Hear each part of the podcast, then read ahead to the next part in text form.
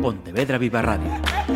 Cara a cara. Damas y caballeros, la Asociación de Directores de Informativos de Radio y Televisión da la bienvenida a Gisela Pou.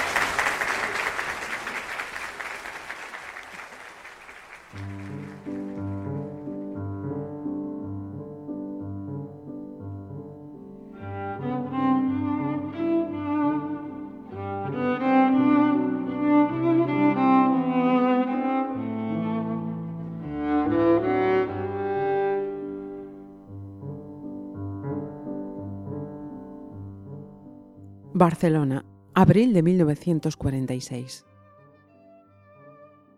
Tener nueve años significaba ser mayor para muchas cosas, tanto si me apetecía como si no, tanto si quería como si no, tanto si ponía cara larga como si la sonrisa me llegaba de oreja a oreja. Tenía que ayudar a hacer las 40 camas de los niños que venían del centro de Europa. Quiero ir al taller del abuelo, repliqué con ganas de ir a mi aire. Tú te vienes conmigo, Mamá tenía voz de trueno y la mirada oscura. Rebuscaba en el costurero. La contrariedad de haber discutido con mi abuela le había encogido los pulmones, las aletas nasales se le habían hinchado y la rabia se le escapaba por las yemas de los dedos. Pero el abuelo me espera, insistí. La señora Wanda necesita manos y tú ya eres mayor, Emma. En la caja de los hilos había hilo blanco e hilo negro. Los cogió ambos bruscamente y los puso en una bolsa de ropa. La primera vez que oí hablar de los niños huérfanos, mamá sobrehilaba el dobladillo de un vestido de color piedra de la señora Wanda, y yo a su lado enhebraba agujas. Vendrán un montón de niños que no tienen padre ni madre a pasar unos meses a Barcelona. Pobrecitos, añadió, y cogió la aguja que yo sostenía entre el pulgar y el índice como una espada en miniatura. Entonces no podía imaginar que la llegada de aquellos niños primero me robaría a mi madre y después me cambiaría la vida. Mamá contribuía a la parca economía familiar cosiendo por las casas. Cada tarde una casa diferente, cada tarde una nueva familia. Cada tarde, durante tres o cuatro horas, zurcía calcetines, estrechaba faldas, cambiaba cuellos de camisas, remendaba sábanas, soltaba dobladillos de las batas de los chiquillos. Cada tarde, sentada en un rincón de la cocina o en el cuarto de la plancha, era testigo de peleas y secretos. Algunas de las señoras la trataban con distancia y frialdad. Otras le exigían más de lo que le pagaban. Luego estaban las que desprendían una profunda fetidez de soledad y le explicaban intimidades que ella cosía en las costuras de los vestidos. Por encima de todas ellas, como un águila volando con las alas abiertas, estaba la señora Wanda. Wanda Morbitzer Tozer se enfrentaba a la vida convencida de que querer algo era el primer paso para conseguirlo. Desde hacía meses, traer a esos niños a Barcelona se había convertido en una prioridad. Canciller del Consulado de Polonia en Barcelona y delegada de la Cruz Roja Internacional, era la mano derecha del cónsul Rodon y de su esposa, Ana María Klemensiewicz. Ambas trabajaban para que los huérfanos polacos que vivían en un campo de refugiados en Salzburgo viajasen a Barcelona. Desde Auxilio Social, una organización benéfica adscrita al régimen, se había habilitado una residencia infantil en un inmueble de la calle Angli, una casa que en tiempos de guerra había sido una checa, un centro de detención que ahora sería el hogar de unas criaturas que empezaban la vida con las manos vacías y un pasado borrado. Estarán pocos meses, como unas vacaciones, había dicho mi madre. Si hubiera sido valiente, me habría plantado delante de ella y le habría gritado que, por muy huérfanos que fueran, por muchas desgracias que hubieran pasado, Aquellos niños tenían manos y se podían hacer las camas ellos mismos, que yo tenía otras cosas que hacer. Antes que ella tuviera tiempo a responderme, yo habría huido corriendo a la carpintería para estar con mi abuelo y jugar con una carretilla de madera que no tenía dueño. Pero yo no era valiente. Con una mala cara de tres pares de narices, caminaba detrás de ella con la mirada clavada en las puntas de los zapatos, jurando que jamás volvería a dirigirle la palabra. El trayecto desde casa hasta la calle Angli duraba más de tres cuartos de hora. Lo más sensato habría sido coger el tranvía, pero mamá dijo que andar era bueno para alejar quebraderos de cabeza y fortalecer las piernas. Una manera como otra cualquiera de decir que en casa no había dinero y que coger el tranvía era un lujo que no nos podíamos permitir. De vez en cuando se giraba para preguntarme si estaba cansada. Yo, obstinada como todos los Andreu, enfurruñada por no haberme salido con la mía, Apretaba los labios y no respondía. Los pies se quejaban. pero lo que de veras me molestaba era la lengua, que se me había hinchado de tanto masticar preguntas que me negaba a expresar en voz alta. ¿Qué sabía mamá de aquellos niños? ¿Por qué venían a la ciudad? ¿Por qué diablos yo un martes por la tarde tenía que hacerles la cama? Atravesamos el paseo de la Mona Nova y subimos la calle Anglía hasta el número 49. La casa tenía un pequeño patio en el espacio comprendido entre la acera y la fachada del edificio.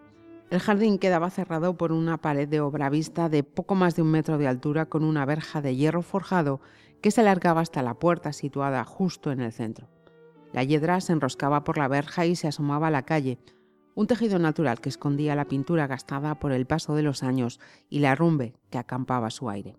Mamá se detuvo, soltó un suspiro que escondía el alivio de haber llegado y empujó la puerta, que respondió con un gemido metálico. Subimos dos escalones y avanzamos por un caminito adoquinado que conducía hasta la entrada. La hierba recién cortada olía a verano. Arrinconado contra la pared, un laurel tendía sus ramas hasta alcanzar la parte baja del balcón. Al otro lado, un rosal cargado de rosas rojas con chispas naranjas daba la bienvenida a los visitantes. La puerta, de madera, estaba cerrada. Mamá llamó, pero nadie respondió. Insistió, pero nadie abrió. La señora Wanda me dijo que iban a estar aquí todo el día. Sus palabras estaban teñidas de una mezcla de duda y perplejidad. Pues aquí no hay nadie, exclamé, y rompí mi promesa de no abrir la boca durante semanas. Mamá se fue a preguntar a los vecinos y yo, con ganas de regresar a casa, crucé la acera y bajé por la calle hasta llegar al paseo de la Bona Nova. De la esquina del inmueble situado en el número 46, un edificio de dos plantas rodeado de jardín y con las ventanas abiertas de par en par, salían cantos con voz de mujer. Diferentes tonadillas se mezclaban en un guirigay difícil de comprender. Cambiar un 6 por un 9 había provocado un error en la dirección. Mamá tomó carrerilla y me alcanzó. Oyó la cantinela y esbozó una sonrisa de alivio. Ahora sí, habíamos llegado. Un pequeño ejército de mujeres había limpiado el polvo, barrido y fregado. Cubos de agua para arriba y para abajo. Con todas las ventanas abiertas, aquella casa que años atrás había escuchado los gritos de dolor de los detenidos, se preparaba para recibir un montón de críos. Canciones con olor a lejía y aire limpio.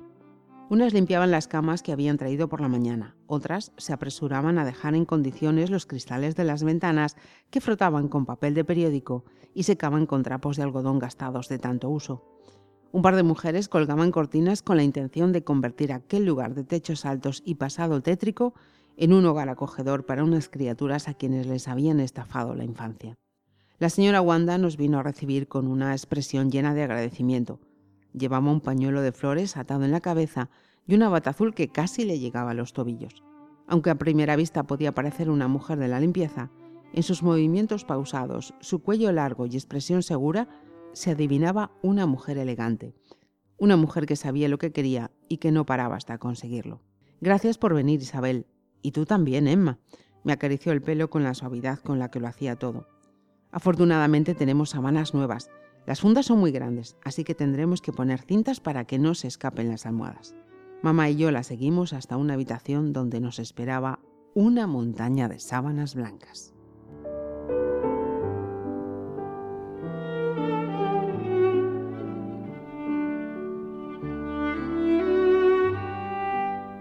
La escritora catalana Gisela Pou acaba de publicar Los tres nombres de Ludka, una novela que partiendo de la historia con mayúsculas, nos sitúa en una historia ubicada en la Barcelona de los años 40.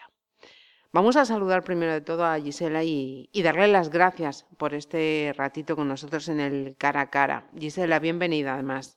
Bueno, muchas gracias, encantada de compartir con vosotros este ratito. Mira, um, los tres nombres de Ludka nos lleva a un hecho real el secuestro de niños polacos por el régimen nazi en la Segunda Guerra Mundial para hacerles borrar su origen, su, identidad y, germanizarlos. Y cómo se inicia un proceso de acogida de aquellos niños en Barcelona para tratar, en la medida de lo posible, localizar a sus familias biológicas y ayudarles también a recuperar sus orígenes. Mira, cuando comenzabas a trabajar en este libro, quiero decir, antes de, crear esta historia, em, he visto que hay un ingente trabajo de documentación para cimentar los tres nombres de Ludka. ¿Nos, ¿Nos comentas, por favor, cómo fue todo ese trabajo previo y fundamental? Bueno, la, historia de la novela surgió de dos ámbitos. Por un lado, de mi deseo de dejar por, un, por unos meses la novela contemporánea, donde yo me movía pues como pez en el agua, tranquilamente, y dar un salto en el tiempo hacia atrás y colocarme en época de posguerra. Sin embargo, me faltaba un tema. Entonces se cruzó en mi camino un artículo de José Luis Barbería, donde hablaba de todo lo que te has contado maravillosamente bien, y entonces empezó mi trabajo de documentación, que es la pregunta que me has hecho. Para ello hay un libro espectacular que cuenta esos niños que llegaron a Barcelona. Es una serie de, de, de artículos de diferentes personas que cuentan el hecho en sí.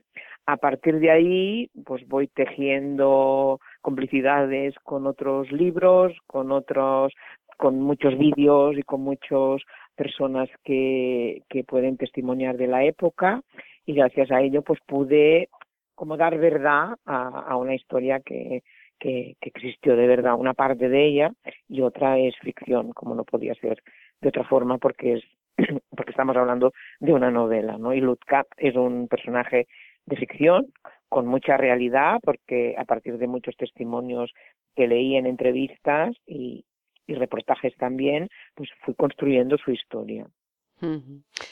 Nos encontramos con, con los horrores de la Segunda Guerra Mundial, con la España mm, posguerra civil, con la Barcelona de los 40 y cómo los niños son víctimas de los conflictos bélicos con, con esas secuelas como las que leemos en, en este libro.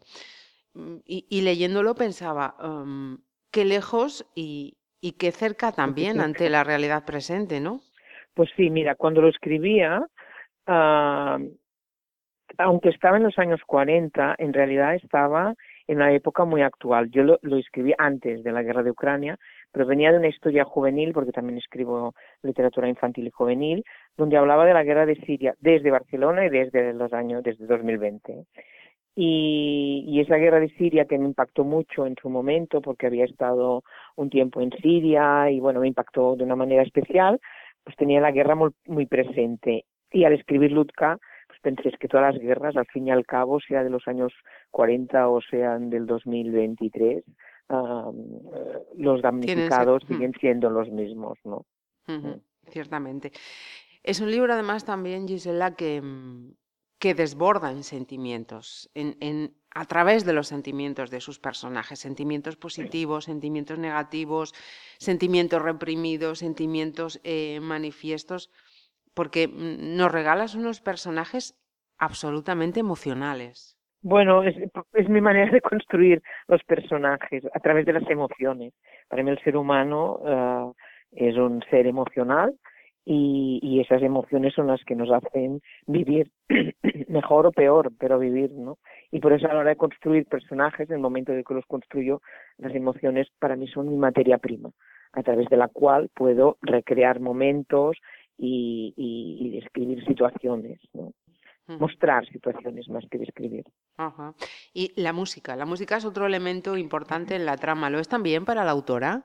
Sí, pero la, la música impacta directamente, no se sabe exactamente dónde, pero es quien hace mover esas emociones de una forma especial porque a veces eh, te conectan con, la lectura también ocurre, pero en la música mucho más, te conectan con situaciones personales de tu historia, ¿no? De tu, de tu, de tu propia memoria. Y todo ese movimiento interno, uh, bueno, pues recrea mm, emociones especiales. Es decir, que yo para trabajar tengo la música muy baja o no tengo, porque a veces me, me dejo llevar por la música, me gusta mucho bailar también, y bueno, me puedo dejar llevar y luego me voy a otra parte también lo tengo todo lejos, o sea, no tengo el teléfono móvil cerca, a veces perro wifi, para poder concentrarme mejor, porque hoy en día es como complicado, ¿no? Vivir en tu mundo. Sí, sin que haya esas interferencias, ciertamente, ciertamente. El tiempo y su fugacidad tienen varias referencias en estas páginas. ¿Has querido dejar mm, algo así como, como un consejo entre líneas? Bueno, no consejo ninguno. Tengo 63 años y, y te das cuenta y me siento una chica de 25, ¿no? O sea que el tiempo es fugaz porque pasa rápidamente. Los que sois más jóvenes, pues bueno, aún hay más tiempo, pero cuando tienes una cierta edad te das cuenta que la vida ha pasado rápidamente y que debes vivirla con la mayor intensidad que te apetezca. Hay gente que no la necesitan y otros que la necesitamos más, ¿no? El tiempo, claro que es importante. Al fin y al cabo, todos vamos a terminar igual, todos nos vamos a morir. Entonces, uh, lo mejor es vivir de la manera que tú quieras, ¿no? Si puedes. Hay gente que, que tiene un sueldo mínimo y necesita comer y tiene tres hijos, entonces no, no le puede decir que, que puede vivir como quiera, ¿no? Pero si puedes, más o menos, soy una persona absolutamente austera y eso me permite poder vivir de, de poder vivir de escribir, ¿no? Poder mal vivir, pero vaya, pero feliz, feliz haciendo lo que hago. También el, el público lector, al menos mi, mi percepción, eh, puede encontrar una, una, reivindicación a la identidad cultural. Por ejemplo, en, en mm. ese juego entre Emma y, y su abuelo, eh, mm. ¿fue así, Gisela? ¿Hubo esa, esa intención? Sí, en un inicio tenía muy claro que al hablar de la posguerra pues debía de hablar de la represión que tuvo la lengua y la cultura de Cataluña, esa imposibilidad de leer en, en catalán, se hablaba, se hablaba en las casas, y, pero no en la calle en los años 40, y, y, el abuelo de Emma es un maestro uh, de la República que era muy vocacional y que luego fue represaliado y no pudo no pudo ejercer, ¿no? Entonces, bueno, deseaba mostrar ese mundo también de, de, de lo que era mm, esa España de los años 40, uh -huh.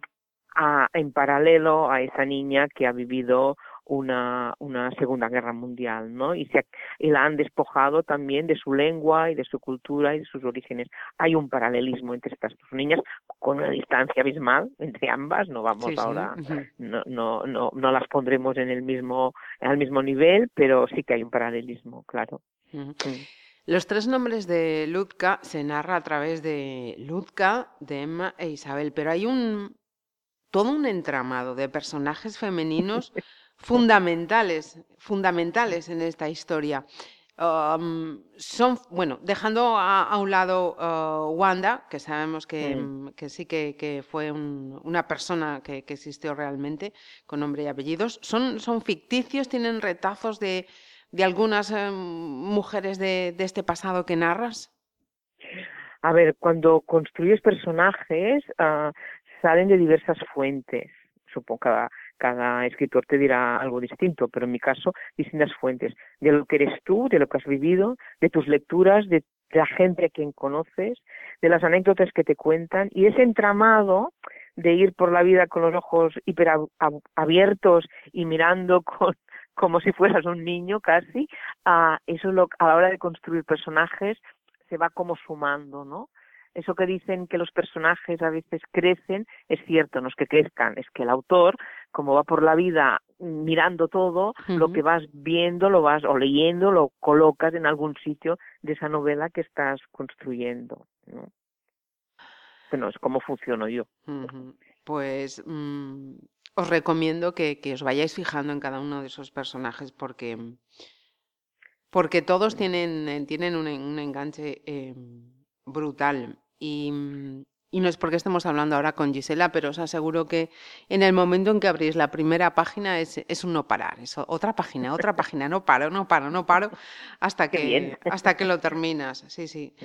Pues Gisela, eh, agradecerte esta, estos minutos de, de charlita y, y, mucho éxito con los tres bueno, nombres de Luca, que, que trata un tema muy, muy duro pero al final nos queda, nos queda un regusto dulce, dulce. Sí, la esperanza, ¿no? Y el reencuentro y, y la vida, ¿no? la vida debemos, debemos celebrarla en la medida que podamos. Hay gente que lo tiene más difícil, pero, pero Lutka lo logra y eso es fundamental. Pues los tres bueno, nombres de, de Lutka. Gisela Pou, muchísimas gracias. Bueno, un placer inmenso y un beso inmenso también, Marisa.